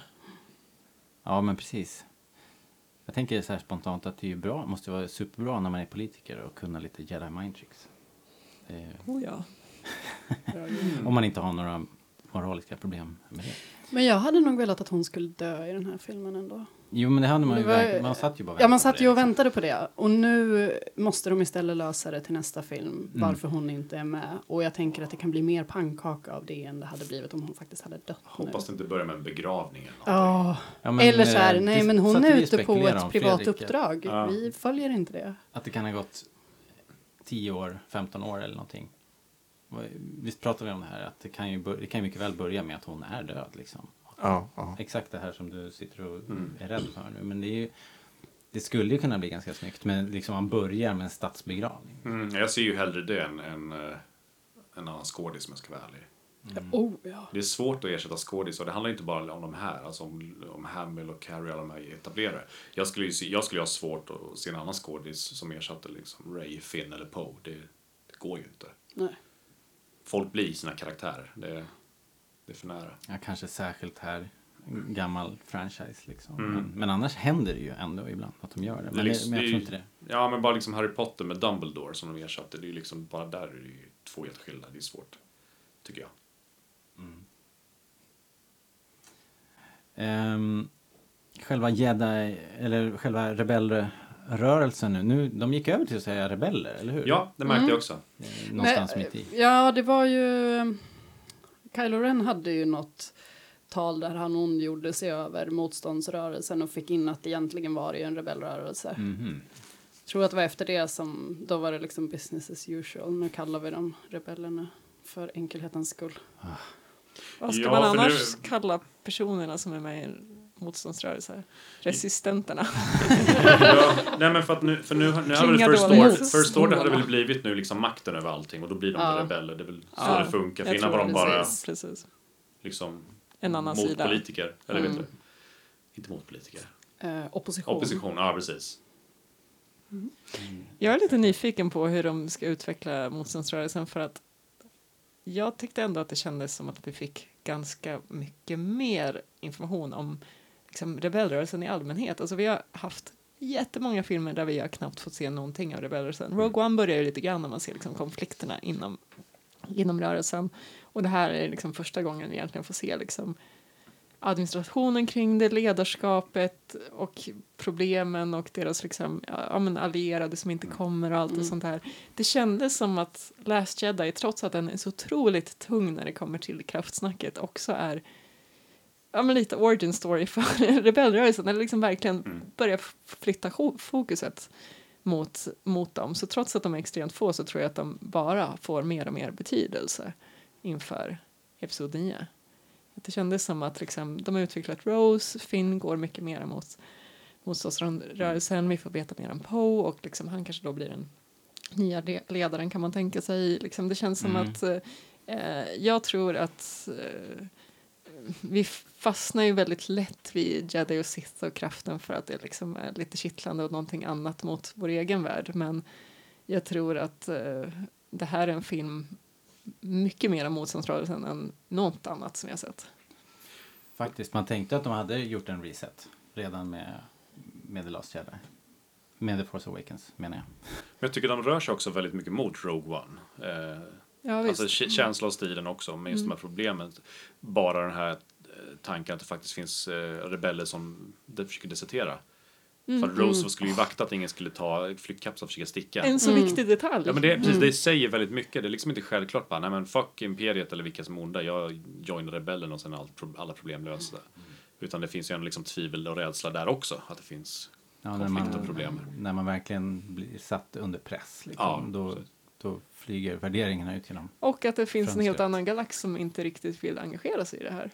Ja, Liksom, om de nu är de goda, varför ansluter sig inte fler? De var inte ens säkert många från början. Eh, visst, det är en massa planeter som har sprängts, men liksom, uppenbarligen hade de ju kontakter lite här och där mm. som inte kommer. Eh, så att, eh, liksom, jag, jag tror att det är lätt att man ser en god sida i filmen, oavsett om det är jedis eller rebeller, så tänker man liksom så här, ja, men det är så självklart att alla förstår dem. Och sen så har vi en kasinoplanet som är totalt obrydd och säkert en väldigt stor del av resten av galaxen som också liksom inte riktigt orkar engagera sig. Och de får ett nytt ledarskap i samband med First Order, men det är väl lite som med Imperiet, att det är kanske inte alla som ser problemet med det. Mm. När vi ändå pratar om Canto Bite Ska vi prata lite om Finn och Rose och deras utflykt till White? Ja, Ocean Eleven. Ja, Verkligen. men det blev inte så mycket Ocean's Eleven. Man hade Nej, tänkt, det hade man ju fantiserat om. Miljön gör ju mycket av det. Alltså Ocean's Ja. Eleven är ju, bryr man sig liksom inte om att det är en massa skurkar som ska göra det grej. Det handlar ju bara om kasinon. Ja men och hela sättet de filmade när de kom in i det där kasinot var ju verkligen Ocean's Eleven. Mm. Det var så här, nu, nu tittar jag inte på Star Wars längre, nu tittar jag på en annan film. Nej men jag håller med, jag drogs ur också. Mm. Men, ehm, ja nu blev ju det där, deras uppdrag där blev ju ganska konstigt. De misslyckades, de hamnade i finkan direkt och eh, där träffar de en karaktär som heter DJ, fast det sägs inte ens i filmen tror jag. Det visste vi bara för vi hade läst lite artiklar innan. Um, den här introduktionen då, DJ, var det en, jag upplevde att den var väldigt konstig. Liksom, vad, vad tänker ni om hela introduktionen och hans karaktär? Och, känns den inte väldigt... Alltså, antingen är det ju jättedåligt skrivet, tänker jag. Eller så är det alldeles sönderklippt. Tror, kan det vara en lösning? Eller det en förklaring till det? Vad menar du är det dåliga? Att man får inte lära känna honom alls. Han finns där bara sådär lite because script. Han uppfattar allting och helt plötsligt är han tillgänglig. Och sen så bara går han ut ur cellen. Men jag tänker att vi inte får veta så mycket om honom för att det ska visa att här stöter Finn och Rose på en karaktär som de inte vet så mycket om. Vi ska sitta lika mycket och våndas över om det här är någon som de kan lita Ja, på, ja, lita på som mm. de tvingas göra. Jag tänker också att det här kan vara personen som Maskanata syftar till. Ja, Mm. Eh, Var det inte det? Nej. Ja men alltså han hade ju inte det här blomman på sitt... Nej det är sant. Jag tolkar det som att de hade hittat fel person först och sen hittade rätt. Det är så jag också tänker. Så, att, så att då får han ju ändå någon slags bakgrundshistoria. Att liksom, ja han är, ja, man känner honom, han är uppenbarligen extremt kompetent på många områden. Mm. Och sen så råkar kraften föra dem samman. Men det skulle ju varit jättenice om vi hade fått reda på det. Liksom. Vi måste inte få reda på allt. Nej, men något, tänker jag. Okej, så, så det är bara jag som tycker att eh, den här karaktären var lite, eh, hängde väldigt löst och var in, in, inte gick att bry sig om. Alltså jag har inga problem med att han eh, att man inte fick veta så mycket om honom. Att han var det. Jag gillar karaktären i sig. Jag tycker bara att han, liksom många andra karaktärer som slängdes in här, de gjorde bara en sak för att fylla sitt syfte. Lite Rogue One-syndromet. Det var liksom, man introducerar någon med specialitet och när den är klar, då är det liksom slänga bort karaktären. Eh, för att om vi ska kolla på hela, hela det sidomissionet, så är det ju, eller uppdraget, är ju, känns ju väldigt överflödigt och onödigt. Jag, det, le, det, le, det leder överhuvudtaget- verkligen inte till någonting. Nej, och överhuvudtaget att de är i en strid med First Order och Mm. sen sådär, nej men vi piper iväg till en annan planet, vi tar en liten paus från den här striden. Ja. Drar till ett kasino och träffar en snubbe, kommer tillbaks till striden. Alltså det kändes också Och jag håller inte med er alls. För det första, att de har bråttom är ju det bästa med hela kasinoplaneten. Alltså att man tänker liksom, ja de ska göra något sidouppdrag, de måste ta sig över på den här dreadnoughten och shit nu har de lite bråttom. Och sen är det så här, helvete de ska för, till en planet och tillbaka och vi vet ju att det är liksom bara några timmar. Jag tyckte att det gjorde att det blev jättespännande och stressigt på den här kasinoplaneten. Man bara, men ni hinner inte. Det är lite som typ man ser Inception, så här, varje minut är sju år i våran värld. Liksom, så här, ni måste skynda er. Det var det som jag liksom ändå kände att även om historien i sig är kanske lite konstig där, men liksom just den här stressen, alltså vad ni än gör, varje minut ni slösar, det är liksom en minut av eh, bränsle på ert skepp som håller på att minska. Liksom. Eh, så att, Men- ja. Ja, jag tycker, jag tycker bara liksom inte att, jag tycker inte att uppdraget i sig är onödigt. Jag tycker bara att så som man gjorde det, lösningen som gjorde den här filmen kändes väldigt eh, onödig och liksom ledde inte till någonting. Nej, fast där känner Jag jag också, det det var den andra grejen som jag inte håller med om, för att jag känner att visst så här, deras slutgrej faller ju platt i och med att inte, deras liksom jätteomöjliga uppdrag funkade inte. Och det tyckte jag kändes så befriande för det första att vi får lära oss att så här, alla de här omöjliga uppdragen som har hänt genom hela Star Wars eh, det, det, är liksom, det, är inte, det är inte så himla enk- enkelt och så här, ibland misslyckas de och det är helt rimligt.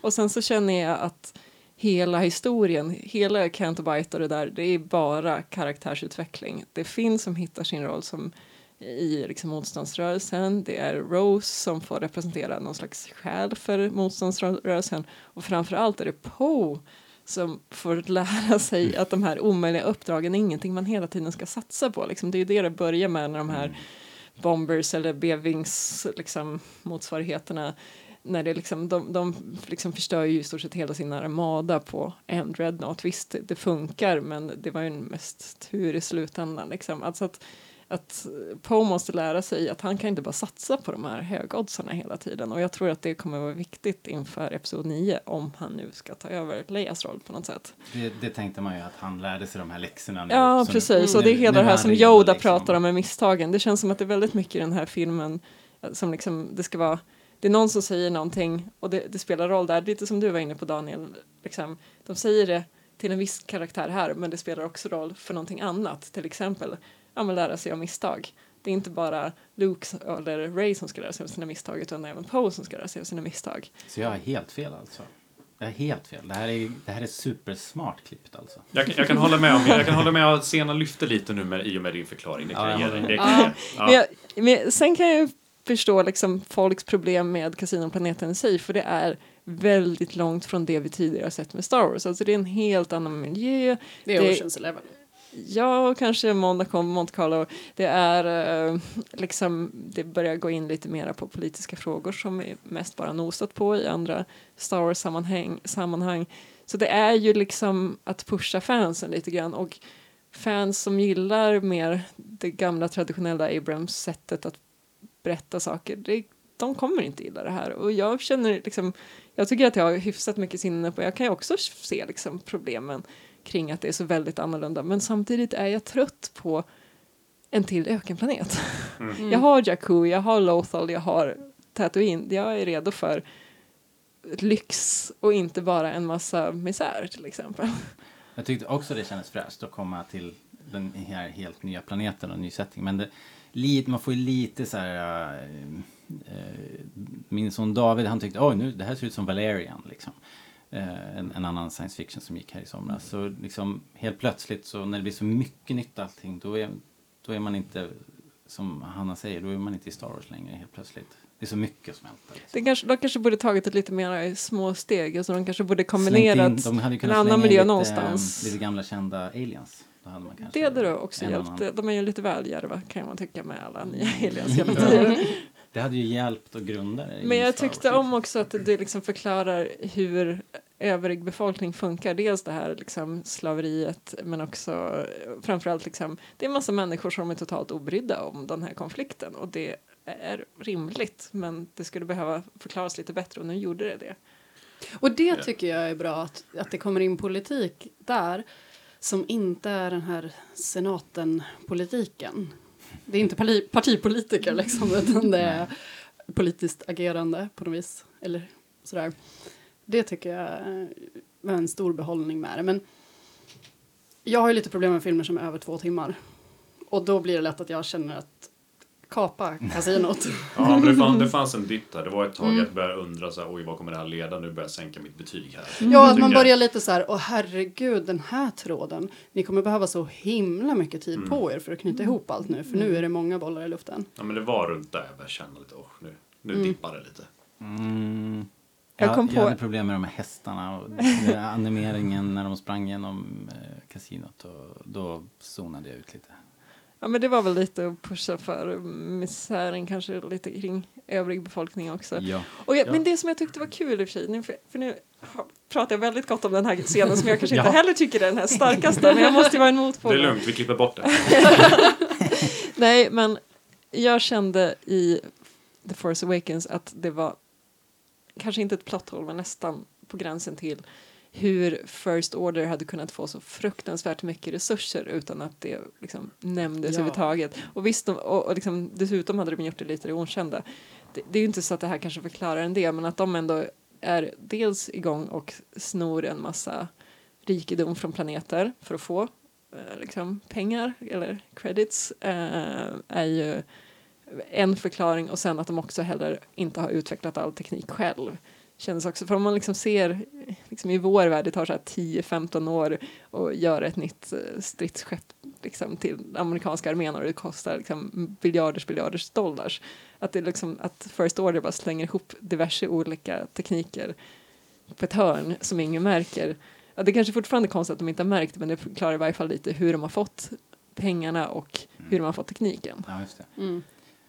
Precis. Ja, de har aggressivt eh, snott åt sig pengar och köpt hårdvaran för. Jag tror en, en stor del av att jag inte klarar av kasinoplaneten så mycket, att det, det är för att det inte känns som en planet, utan det känns som en, en liten del av en, en stad. För det var ju liksom hus vid en strand. Det kanske inte är en planet. Ja, kanske precis det jag menar. Och jag fick, jag fick inte grepp om vad det är för typ av planet. För det känns som alla planeter är ju nischade till en viss, liksom, ett tema eller någonting.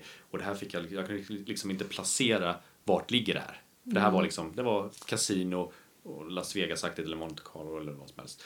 Eh, vid en strand. Kändes som. Och jag vet inte, det kändes så out of the place. Jag fick lite grej svårt att relatera till liksom. Star Wars. Ja, precis. Ja. Det kunde lika väl vara jorden.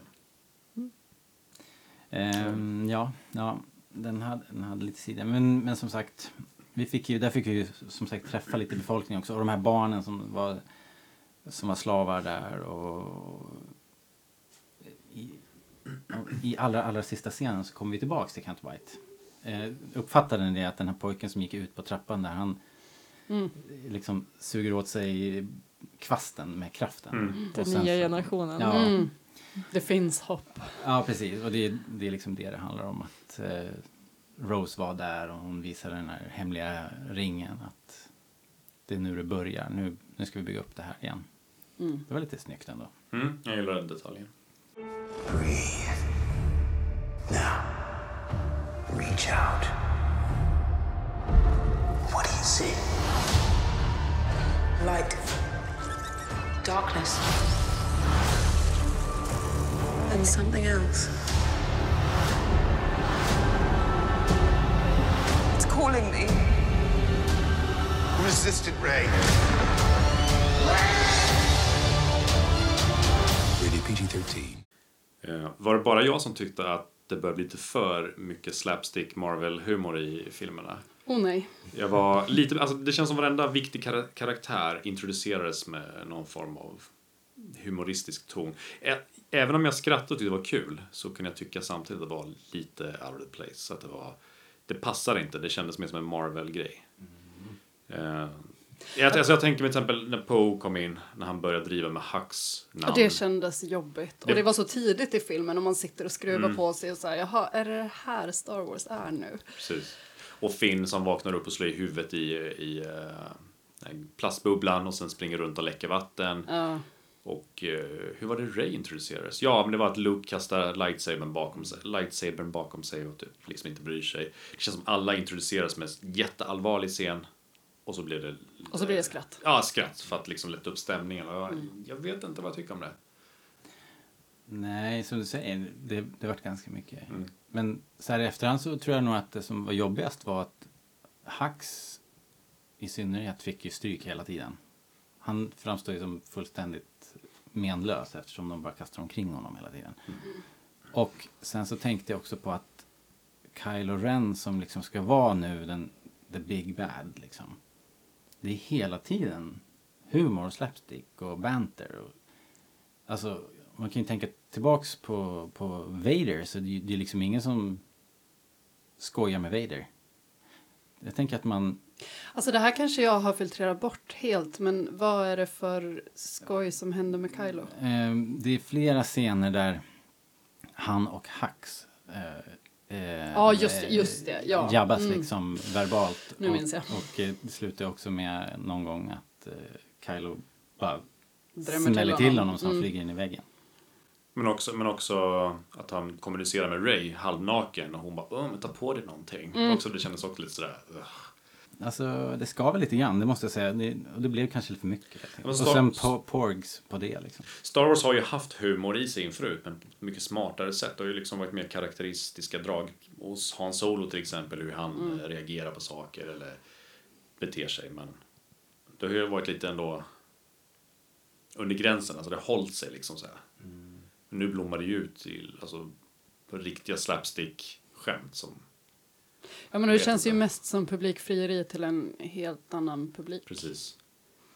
Ja. Eller, eller bara, eller, eller till exempel, förstör, sorry. Nej, men, det, alltså, det, det, men det kunde förstöra så bra scener. Ja. Eh, för en speciell grej som jag tänkte, det var ju när Luke kommer att möta alla de här stora maskinerna och, och de liksom tömmer allt de har. Och han står kvar. Och det hade räckt med att han står kvar. Hela den scenen hade blivit så mycket bättre. Och nu står han liksom och borstar bort lite damm på sin axel. Också lite så här skämtsamt, lite eh, Ace Ventura-stil. Och jag tycker också lite så här, "Åh, Jag tänkte mer att det var scenen." någon kung fu-grej. Eller typ Nej, lite det Bruce var- Lee. Det kändes mer som så här, "Åh, du skadar inte någonting, dammar inte ens på mig liksom. Publiken eh, när jag såg filmen gick verkligen igång på den Mm. grejen. Ja, det skrattades ju. Folk verkar ju tycka att det här... Det verkar funka i salongen tycker jag ändå. Ja. Jo, det är kul. Det är bara fyra bittra personer i det här nej, rummet. men det, det, det, det är kul. Det, men det är kul. Jag satt ju asgarvade åt Hux-grejen. Alltså, jag få, alltså verkligen, det var så fånigt så det var kul. Jag satt och garvade jättehögt. Men samtidigt så kände jag så här efteråt, nej nu skäms jag. Jag får inte skratta åt Star Wars, det är fel. Det här är inte Star Wars. Jag brukar inte heller vara så jätteförtjust i humor i allmänhet. Eh, Och Star Wars-filmer i synnerhet. Nej men så här. Jag känner att det här kanske var en av de mörkaste filmerna i övrigt. Alltså jag menar vi har hela Resistance som slutar med typ fem personer och det är människor vi ändå till viss del känner och som dör. Eh, Så att det är liksom en jätte, jätte, jättemörk film och det kändes som att de behövde ha de här positiva inslagen för att det inte bara skulle bli liksom Rogue One. För Rogue One är ju mörk men är liksom lite mer genommörk och kanske inte känns lika mycket Star Wars i det här glada, glattiga. Liksom att det kändes som att om, de, om vi tar originaltrilogin, det är som du säger, då är det liksom lite mer subtilt men det är lite mer rakt igenom. Allting är lite fluffigare och lite gladare. Här kändes det som att de visste att det skulle bli så pass mycket mörkare så att de måste kasta in lite mer tydliga skämt liksom. Men sen kanske inte, alltså jag håller med om att det blir för mycket den här borsta av på axeln tycker jag inte alls passar in.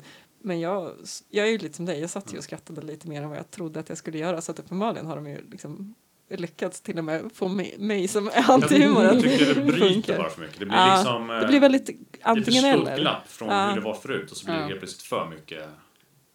Ja, men det blir väldigt, nu tittar du på en film. Ja. Men det, ja, det är väl en ny era helt enkelt. Det är väl det, är väl det här som vi serverar. ja, bort med det gamla, in med det nya. Japp, japp. Ska vi ta eh, några grejer som saknades kanske? På riktigt. Vi saknar ju Rays föräldrar då, till exempel. Tror vi, att, tror vi på förklaringen? Bara så här snabbt. Är det, är det sant? Jag tror det. Ja. Jag tror De Ryan Johnson ville bara, så nu kan ni sluta diskutera, nu, ni hade fel allihopa. Det är inget särskilt. Okej. Move on. On to the next one. Ja, jag tror också. Mm. Och jag tror att det kommer att påver- fortsätta påverka henne. Att hon liksom inte riktigt får vara där. Ja, innan har hon letat efter sina föräldrar. Nu vågar hon minnas vilka de är, så då kommer det vara hennes drivkraft. Att de inte var några, men att de övergav henne och bla bla. Hemskt. Nej, jag litar inte riktigt på Kylo Ren. Ah, bra Fredrik. Ja. Man kan inte lita på den killen. Nej, det kan man i och för sig inte. Ja. Eh, Men samtidigt så känner jag att det är, det är ganska befriande om de släppte den tråden. Att det inte var någonting. Om, om nu det här är en Skywalker-saga eh, så vill man ju att den har ett definitivt avslut. Mm. Det funkar ju inte om man introducerar ytterligare en... Jag tänker alltid att Ray är en Skywalker. Så att Eh, men hon är ju inte det. Det är ju Kylo som är Skywalkern. han är en solo. Solo Skywalker. Jaha. Eh, jag höll med dig först, men inte nu. Men kan man inte tycka, jag tänkte den här grottscenen, det kändes liksom som att så här, ja, nu kommer föräldrarna mot henne och så här, vad blev det? Ja, det blev bara hon kvar liksom. Alltså att den på något sätt, jag tyckte det kändes som att det var kraften som berättade så här, sluta hoppas på dina föräldrar, det är du som är här. Mm. Eh, sen vet jag inte ifall det var, alltså hon säger ju någonting om att så här, du har alltid, eller Kylo säger så här, du har alltid redan, du, du har alltid vetat, eller ifall det var hon Ja. som säger det liksom. Eh, jag vet inte ifall det var från grottan eller innan dess, men jag tyckte ändå det kändes som att liksom, grottan säger att sluta hoppas. Å andra sidan är grottan ond, så att Ja, den kanske ljuger för henne. den är i maskopi med Men om man kanske. ska dra en parallell till Empire där Luke går in i den här grottan och Yoda säger och Luke frågar vad finns det där inne? Jag har bara varit där med dig liksom. Så det är, ju en, det är ju en spegel. Här var det ju supertydligt. Det är ju en spegel, det är ett spegelrum liksom. Så det är ju någon sorts... Det Det är, ju, det är ju hennes inre man ser. Det här, är, det här är vad jag söker. Det här är vad jag önskar mig allra, allra mest. Men så får hon inga svar liksom. Och Så hon visste väl då. då. Jag menar att den ska visa det du är rädd för. Ja, Eh, Då tänker jag att Hon är ensam. visa att hon är rädd för att det bara är hon. Ja. ja. ja hon är ensam liksom. Mm. Shit, ni är så jävla smarta. Jag bara, vad är det som Tack. händer här? Det är en spegel. What, what's going on? Jo. Ser lite ut som såna gamla 70-tals discovideos också. Ja, det var en kul Ja. effekt. Har ni sett, eh, vad heter den, eh, Doctor Strange? Japp. Det var väldigt Doctor Strange-igt. Superflummigt. Oh, jag har en fråga. Vad tyckte ni om ehm, duellen mellan Kylo Ren och eh, Luke?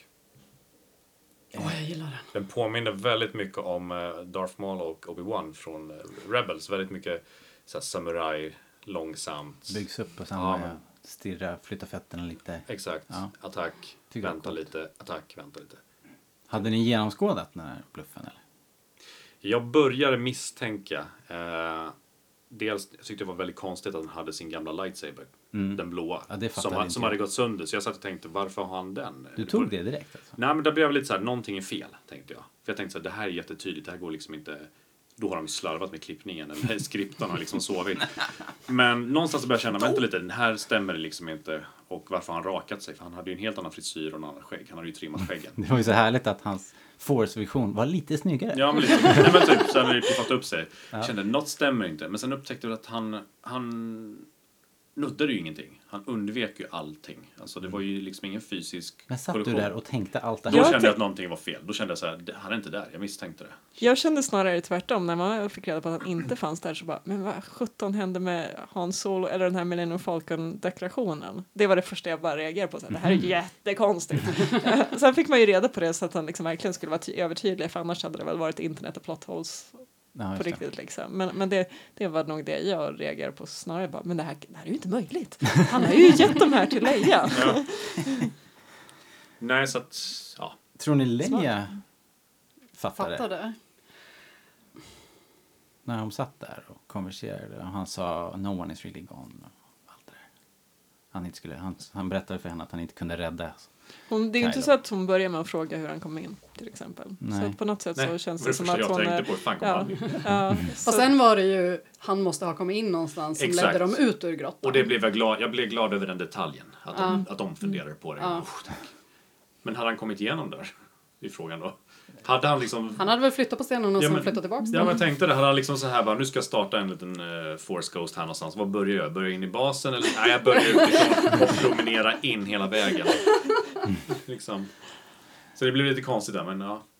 Men det här är väl också någon slags ny kraft, eller? Ni som kan? Ja, jag känner inte igen den. Uh, inte från något ställe. Nej. Det blir ju nästan något Force Ghost-hållet fast Fast strax innan. De, säger, det, de hintar om det i, i någon av de här jäkla böckerna. Som jag, jag kommer inte ihåg vilken bok det är nu. Men ehm, jag tittar på Fredrik. Ja, Hjälp. jag tittar på det här, jag har Ja. ingen aning. Nej, men det pratas i någon bok om när, eh, för att eh, jag tror kanske att det är Ben som konverserar med Qui-Gon. Och då är Ben så här bara, oj shit vad du vad, har blivit duktig på det här Force Ghost-grejen liksom. Du är nästan, du är nästan här kroppsligen, säger han. Lite så i förbifarten. Så det kändes som någon liten sån passning. Och så där har de hållit på i böckerna nu, inför Okej. hela, de har liksom, he, det, hela den De här fiskgrejen, för när, när Luke fiskar med den här jättelånga ljustret också. Det är också presenterades i en bok här om veckan. Jag tänkte bara när du säger Ben, då menar du... Kenobi. Ja. Det var tydligt. Jag fattar, jag fattar inte det heller. Nej men, nej, men det var någon, jag, jag tror att det var Kenobi och eh, kan ha varit Yoda och Qui-Gon kanske. Ja, skitsamma. Det var någon bokgrej. Men Ska vi... ehm, fortsätta prata om Luke och att han faktiskt försvinner. ja, Vad tycker vi om precis. Eh, det var jobbigt. Jag tänkte han hade ju fixat det där nu. Men it all makes sense. För nu är ju med Snoke och Luke borta så är Ray och Kylo Ren liksom toppen på pyramiden. Så det är väl rimligt. Men det var jobbigt. Det är skönt att de fortsätter avverka de gamla också. Ja men faktiskt, move on. liksom. Ja, precis. Det här ska liksom inte vara... Eh, vad händer så 40 år hjärtlös. senare i de här tre personernas liv? Nej. Nej, eh, precis. Det, det är ju någon sorts överlämnande Mm. till en ny generation. Mm. Och då måste ju nästa film måste ju vara den generationens uppgörelse. Alltså de måste göra upp dem med varandra. Sen kan ju Luke mycket väl vara en återkommande karaktär i nästa film också. Men som Exakt. spöke. Jag räknar med att han kommer tillbaka. Iskallt. Mm. Ja. Yes. Ja, men. Jag hade så blandade känslor över det också. För jag dels så... När han kom och stegade ut där ut för, mot alla AT, vad heter de? Jag vet inte vad det där M6 heter. eller nej, vad heter de? Ja. Gorilla M6, AT. AT, MX, ja precis. Så kände jag så här, åh nu kommer vi få en ny eh, Darth Vader moment från Rogue One. Jag satt ju verkligen och Mm. väntade på att det skulle bli övermäktigt. Jag hoppades ju på att han skulle liksom slänga alla maskiner åt alla håll och sådär. Så jag var lite besviken att det bara blev det här skjuta, skjuta och sen inte så mycket mer. Eh, Jag hade velat hoppas, jag hoppades på mer, en större force-demonstration eller någonting. Ja, jag. jag trodde också det. Men eh, och sen när han dog, då var det också, vänta lite, jag blev besviken för jag vill se mer. Mm. Nu när han visat hur cool han är så vill jag ju se mer i nästa film. Men samtidigt så tycker jag att det här var, det var en så fin scen när han dog. Jag, där blev jag jätteledsen ändå. Jag tycker det var jättefint och alltså, det bra sätt att göra det på. Hellre se honom dö på det här sättet än att han blir itudelad. Ja, Liksom. verkligen. Att han kör en Kenobi-style grej. Utan jag Mm. he- hellre att han försvann så fint som han gjorde. Ja, precis. Jag var, blev faktiskt lite rörd där Ja. också. Och, och i några scener med Leia också. Det var också sådär. Så att eh, en liten tår gjorde sig påmind faktiskt. Det blir så mycket där med metan. Ja, men precis. Men får jag bara fråga en sak? Jag tänker det här med eh, kraften och mm, ljus och mörkt lite knyter kanske lite an till det ni pratar om nu, Luke. Eh, om nu Kylo Ren, liksom hans mörka kraft ökas så måste det vara någon slags motpol sägs det, så då kommer Ray in på något vis. Är det någonting som vi liksom tänker alltid har funnits genom hela Star Wars, Old Republic och allting? Jag menar, eh, vi pratade lite om eh, liksom, om kraften för det första alltid måste vara i balans och sen på något sätt alltid har en viss kvantitet. Är det, är det någonting vi liksom tror på? Alltså, rule of two till exempel, då ska det vara att Mm. ja, men ska dela på så få personer som möjligt så att vi liksom får så mycket kraft per person. Dela på liksom. kraftpoängen. Ja, men lite så. Alltså, för jag Mm. menar, det, kan vi inte bara avsluta hela den här cirkusen? Om det nu alltid är liksom så här mörkt och ljust, måste hänga ihop liksom. Jag tycker det känns nytt att det ska vara just två karaktärer som ska hänga ihop i kraften. Eh, också att det ska vara en sån tydlig balans för att eh, det handlar ju mycket tidigare om att återställa ordningen i balansen. Mm. Balansen i kraften. Eh, ja, ni fattar. Ehm, så att uppenbarligen är det inte alltid balans. Ja, men Därför så- känns det... Alltså jag gillar att förklaringen till att Ray är så stark i kraften är att hon är i någon sorts balanssituation med Kylo. Men eh, jag tycker inte att det känns som att det går att förankra i tidigare. Nej, jag tycker, jag tycker det blir bara en diegetisk förklaring. Liksom att vi ska förklara någonting som egentligen varit naturligt i varenda film som finns. Att det finns alltid en motpol. Det är liksom, Mm. Finns det en skurk så finns det alltid en hjälte. Det har liksom varit alltid naturligt i de flesta filmerna som Jo, men just behandlar liksom, temat skurkar och hjältar på något sätt. Så mängden kraft har den alltid varit liksom konstant. Det lite det. Nej, Hur har, det, hur har den diskuterats innan? Jag blev mest bara osäker. Ja, jag kan inte komma ihåg att jag diskuterat det egentligen. Men, ju- men jag gillar Mm. nog att tänka, alltså jag är ju inte så, här, så djup. så alltså jag, jag, jag tar nog bara det för vad det är liksom. När han, och att Snoke säger det, det känner jag inte heller är någon, något absolut liksom. Jag Sen känns ju Snoke mäktigare än Kylo så då borde Ja, jag alltid... fan, liksom. då, var det då Luke som blev extra Ja, stark? Och Eller vad, är- liksom? vad, precis, vad är hans motpol Ja. fram tills nyss? Och I och för sig innan Snoke försvann, försvann ju Luke. Så. Ja, men lite. Alltså jag funderar på ifall Mm. de också på något sätt var kopplade. Eller Ja, ifall för- Snoke blev mäktig för att Luke blev mäktig. Vem, vem, var, vem var motpolen innan? Om Vader var det, vad hände då när Luke fortsatte leva till exempel? Ja, då kom Snoke. Ja, precis det jag menar. Då, Ja, Ja. det är i och för sig. Det Ska vi liksom retconna liksom. tillbaka hela Star Wars Det blir ju konstigt världen? för det liksom så här, betyder att det är stopp nu. Finns det ingen annan eller var det därför Luke försvann? Ja, det är jättekonstigt. Jag, inte, jag, är ja, inte, jag är det inte så blir förtjust i den, här, den grejen faktiskt. Då, då blir det också att ja, men då försvinner ju den här grejen att du ska ha någonting inom dig och du ska träna fram det och sådär. Du behöver bara vänta på att nå vill du vara god behöver du bara vänta på att någon som är ond blir mäktig. Mm. Vill du vara ond, vänta på att någon som är god blir mäktig. Så kommer du få det Men för att det ska balanseras. det om du är rätt person. Det känns ju bara så slumpartat. Då. Ray liksom Ja. bara så här plopp helt plötsligt så blev hon... Det känns som en dum förklaring för att liksom få tyst på folk som har, Ja. som har ifrågasatt varför hon kunde liksom spöa skiten ur Fast det nämndes ju även i sjuan. Alltså There's been an awakening. Det är väl hon som är Ja, the awakening i den Ja. för Ja. att Kylo ökar. Mm. Yes. Okej hörni, vi, vi måste runda av. Det blir, eh, det blir eh, långt det här. Vi får åt, återkomma helt enkelt. Vi kommer ju prata eh, The Last Jedi i, i månader. Vad tycker vi om Porgs då? Porgs! Oh my god, ska vi... vi Jag är, nyfiken, jag är nyfiken på vad du tycker för du var så pro. Jag är nyfiken på vad Fredrik tycker för jag fick en lite arg blick av honom nu. Ja, men du lät så himla chockad. Nej, men jag förstår inte poängen med dem. Nej. Nej, men jag tänkte om, om, eh, om vi klagade på humor så tyckte väl jag att det var väl den lilla biten som jag kunde tycka var okej. Ja. Eh, jag tyckte det var roligt att Chewie grillade två Ja. Jag kan tycka att det funkar när de bara var liksom sprang runt som en del av naturen. Mm. Men så fort det blev humor och de försökte liksom trycka igång en lightsaber med foten och Det var de jätteroligt. satt, de Bygga bo i falken. Ja, liksom då, då blev det för mycket. Men eh, Mm. jag tyckte det var okej när de liksom bara gick runt och var en del, alltså som pingviner nästan. Det var helt okej. Mm. För att även om pingviner är fåniga så finns de ju där. My god, det är så mycket De hat. kunde, de kunde flyga, hur fascinerande är inte det? ja. eh, Porgs som, som liksom in-universe är ju jättesmart förklaring på varför det flyger massa fåglar runt omkring dem där. Det är ju toppen. Eh, och sen kan jag hålla med om att när de trillar omkring runt in i Falkens cockpit så kanske de passerade någon sorts slapstick-gräns. Men jag gillar dem. Jag skulle kunna ha en plyschporg. Säg inte att jag har en än. Men kanske. Den kanske är på väg. ja, precis. Jag ska få en Porg onesie. Yay. Då Ehm, förväntar jag mig att du springer runt och låter som dem också. Okej, är- innan jag försöker avsluta här igen nu, är det någonting mer pressing? Nej, vad tyckte vi? Jag ska vi försöka bara, ni måste inte kanske sätta ett betyg, men om ni vill, eh, gör det. Eller så kan ni kanske försöka er på att ranka den. Vart skulle ni placera filmen bland de andra Star Wars-filmerna?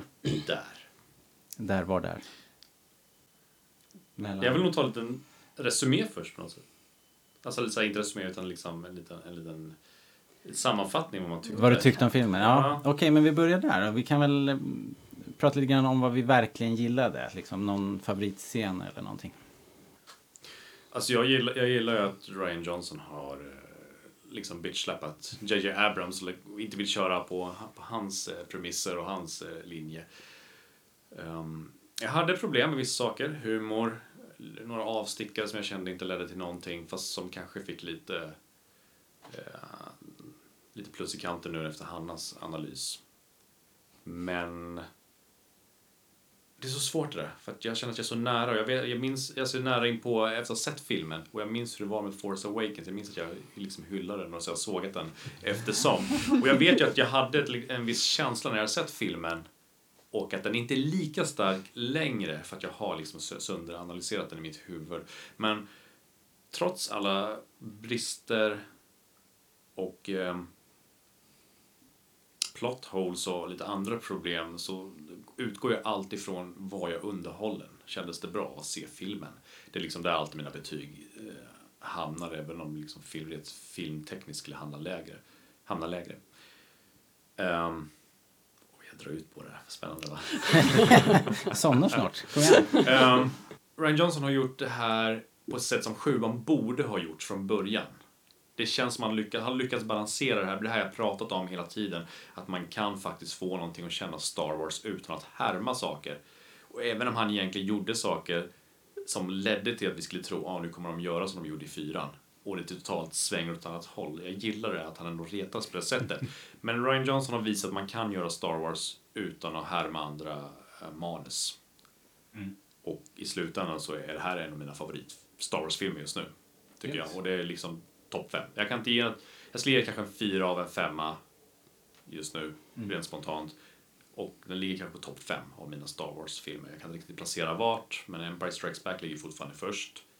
Sen ligger liksom Rogue One och också där uppe och skvalpar. Men Det är höga betyg. ja, det, jag är nöjd. Jag är sjukt nöjd. Och speciellt efter att jag sett det här så förstår jag ju liksom att Ryan Johnson fick eh, förtroendet att göra nya filmer, eller en helt ny trilogi. Och jag förstår det. Jag tycker För att han är så bra på plot holes. Ja, nej men... Eh, för att han kan fånga stämningen utan att härma. Mm. Eh, och det är bra. Coolt. Och Fredrik då, vad känner du? Det jag gillade mest var att eh, Ryan Johnson vågade.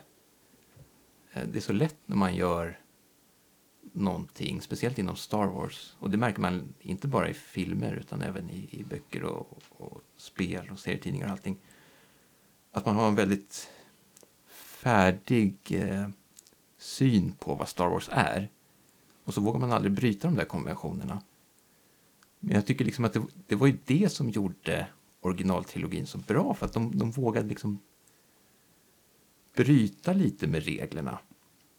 Och det, det har man tappat lite med åren. Mm. Men det har man äntligen eh, vågat ge sig in på nu. Mm. Och ganska ordentligt också. Det kanske är därför humorn också är så viktig nu att sätta en helt egen ton liksom och tilltala publiken som, som är nu, inte oss gamla stöt. Nej Robert, humorn är aldrig viktig. Så. Move on. I ditt liv. Fortsätt Fredrik. Ja. Nej, det där skämtet var helt oviktigt. Ehm, ja, nej, men på det stora hela så tycker jag att den är, det är en fantastisk film. Mm. Eh, den är lugnt... eh, Åh! Högt upp. Okej, Jag, jag tror jag skrev i min recension att det kunde vara den bästa. Eh, det är jättesvårt egentligen att säga när man har sett den. Jag har sett den två gånger. håller du den högre än The Force Awakens? Absolut. Det- Rogue- det var högre det än. Rogue One? Eh, jag tycker att det är så fundamentalt olika filmer. Ja, det är sant förstås. Eh, men... Ja, Ja, du har redan betygsatt den här egentligen. Ja. I recensionen. Då gav du den ju typ 9 av tio. av Ja. 10. Och du skrev först inte av, du skrev bara 9. Då tänkte jag så här, av vad? ja, det fick jag bakläxa på. Ja, faktiskt. Ja. 117. Det kunde ju ha varit något annat Star Wars-nummer, så här, av 1138 liksom. Då är det inte så högt. Nej, Nej. nej, nej, men det var det. Ja, bra. Mm. Hanna? Ja. Jag har fortfarande inte lyckats bestämma mig för om jag tycker att Force Awakens är en bra film. Och därför så är jag väldigt nöjd med att redan kunna säga att jag tycker att det här är en bra film. Ehm, och något som kommer tillbaks, pluppar upp i mitt huvud ofta de senaste dagarna. Det är eh, när Kylo och Ray fightas tillsammans. Jag tycker det är så snyggt. Ja, grymt faktiskt. Ja. Och speciellt de här små liksom när hon släpper sin ljussabel och fångar upp den med andra handen. Och sen kastar till honom och han tar emot den och bara zutt. Ah. I love it. Härligt, men eh, okej, men då ligger den ju hyfsat högt i din rankinglista också antagligen. Ja, jag tror alltså för min del är ju alltid originaltrilogin i en klass för sig. Det finns ingen som kan mäta sig med det, men den här är nog bäst efter dem. Mm. En ny era. Mm. Sen får vi väl se, som Daniel sa. Jag kanske kommer tycka att det känns jobbigt om ett halvår att jag sa det här nu. Ehm, för att jag är så nära in på. Men jag tror ändå att med tanke på att jag redan kan säga att jag tycker om filmen så är den nog bättre i mina ögon än det vi har sett de senaste åren. Ja, det är alltid svårt. Det går i cykler också. Man, Mm. man gillar den en stund och sen så grottar man ner sig i någon skit och så, så kommer man tillbaka till den sen. Ser den en gång till på bio eller något och så bara tjoho! Så är man tillbaks. Eh, Björkelund då? Ja, jag tycker jättemycket om den. Fast jag håller ju lite med om att här, jag skulle behöva se den igen för att riktigt reda ut allting. Vad jag tänker och känner. Men jag tycker den är, framförallt, jag älskar att den är så himla spännande. Alltså, här, det är mycket som är på spel, man har ingen aning om hur det ska gå. Just att man inte liksom, är inte skvalpar i prequels eller i Rogue One eller något sånt där utan vad som helst kan hända, uppenbarligen så händer allting också. Folk dör ju. Ja. Visst kanske inte några huvudpersoner än så länge men ändå lite här och där. Så att, eh, jag gillar att den är liksom oberäknelig och har ett högt tempo. Eh, trots att jag egentligen gillar att överanalysera känner jag nog att det är nog actionscenerna jag gillar allra bäst i den här. Jag tycker att, som Hanna var inne på, liksom Kylos och Rays fighting-scen, helt magnifik. Bombscenen i liksom, introt. Yes. Fantastiskt. Eh, och jag älskar också när Vice Admiral Holdo, heter hon så? Mm. Laura Derns karaktär när hon bara skjuter igenom Ja, sitt. Herregud. Man kan ju undra varför det här inte har gjorts oftare men eh, oavsett vad så tack för att ni gjorde det nu. Jag fick så här rysning nu bara du sa ja, det. det var ju sjukt snyggt. Liksom. Och ljuddesignen där också. Ja. Liksom. för jag tänker att de, de lugnare delarna av den här filmen måste jag nog ja, men, titta mer på och fundera på och jag tror att det också kommer att beroende på vad som händer i episod 9 så kanske man kommer känna lite olika inför de delarna. Men, men liksom fighting eller liksom actionscenerna nu, de står sig väldigt fint Mm. i sig själv liksom. Vi har ju några år av poddande nu och, och eh, nitpickar och ut vidare. allt. Ja, okej. Ehm, hör om du, ville, om du ville ranka eller betygsätta den. Nej, jag rankar inte någonsin Star Wars-filmer tror jag. Eller det, det brukar, som du säger, det hoppar ju så Ja. väldigt mycket fram och tillbaka och det är sällan en hel film är superbra eller superdålig liksom. Utan det kan ju vara moment som man älskar. Eh, Men den, den ligger jättehögt upp just nu. Mm. Ja, vad kul. Jag måste säga att den här diskussionen vi har haft har ju verkligen höjt den för mig. Jag var, jag var nog lite nere, kände jag. jag hade Men nu hängt- vågar du inte säga något annat Nej, i det här rummet liksom. Varför det? Nej, men det var, jag hade hängt upp mig på, på lite CGI som jag tyckte var, inte höll måttet och liksom hela den här Canto Bite, jag var förvirrad över den. Men, men vi har ju, han har ju haft vänligheten att pussla ihop det lite grann åt mig, så det känns bra. I alla fall bättre liksom. Jag vet väl att jag får pengar från Disney. Ja, välförtjänt. Också. Eh, men jag tyckte, jag tyckte också inledningen var fantastisk. Jag kan verkligen inte understryka hur jävla mycket jag älskar den där bombplansscenen med, med Page i bomb, lastrummet där. Och det var så sjukt spännande och bra. Och sen som du sa, han också, filmen är spännande. Jag tänkte någonstans mitt i bara fan, de tänker inte göra en film till. De, tänk, de avslutar den här trilogin nu liksom. Jag var till och med orolig, helt irrationellt, för Ray. Liksom. Men då har de ju lyckats, så man, ja, jag får vara nöjd. Jag har nog placerat den under The Force Awakens ändå faktiskt. Oj! Eh, för att, Robert, den hade ingen dödsstjärna. eh, nej, och det är alltid ett minus. Nej, det är ett plus. Ja, just det, just det. Hade den inte en liten... Jo, De hade en de, liten de, dödsstjärna. skämtade, de skämtade om den var stark som en dödsstjärna, men det var inte en dödsstjärna. Och det kan jag leva med. Okej. Det kan jag leva med. Ja, nej, men som sagt, det här är, det är omöjligt att hålla på egentligen. Men, men det är en bra film och jag hade väldigt roligt. Och jag kommer att gå och se den igen.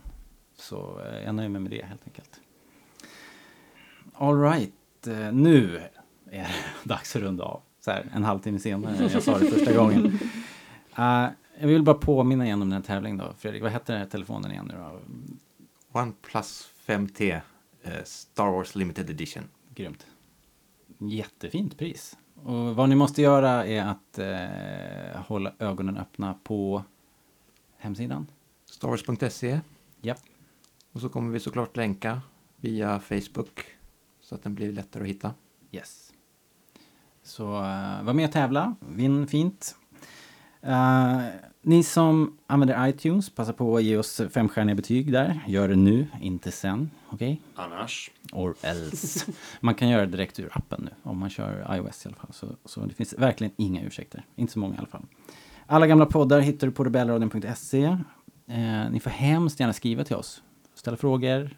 Kom nu här efter det här också med era teorier. Och, eller vad var bra, vad var dåligt? Ja, diskutera gärna i kommentarsfältet. Precis. Eh, säg vad ni gillar. Vi har väl hört, jag tror mest övervägande bra grejer runt omkring. Eller vad säger ni? Bara snabbt. Ja. Ja, jag har en kompis som tyckte att den Det är ingen var kompis då i så fall. Nej. Dumpa. Nej, jag får väl omvärdera det. Men han tyckte det var en av de svagaste Star Wars-filmerna. Oj då, det var Ja. tufft. Dumpa. Dumpa. Nej men alright, det är klart att det, det, det... Jag har också hört lite, lite gnissel faktiskt. Men jag tror... Ja, skitsamma. Vi ska inte börja om nu. Vi är på väg att avsluta det här. Eh, vi finns också på Rebellradion uh, at starwars.se om ni vill mejla då, då. Gör det jätte, jättegärna. Vi tycker det är kul och uh, chansen är ju god att vi faktiskt plockar upp någon liten tråd från era frågor. då. Och eh, så får ni höra oss dissekerade i podden sen. Följ oss också på Pinterest, Twitter, Instagram. Vi finns överallt. Ehm, och så glöm för allt i världen inte den här tävlingen och telefonen. Det är helt crazy. Ah, tack för den här gången. Tack och hej! Tack. Hej då.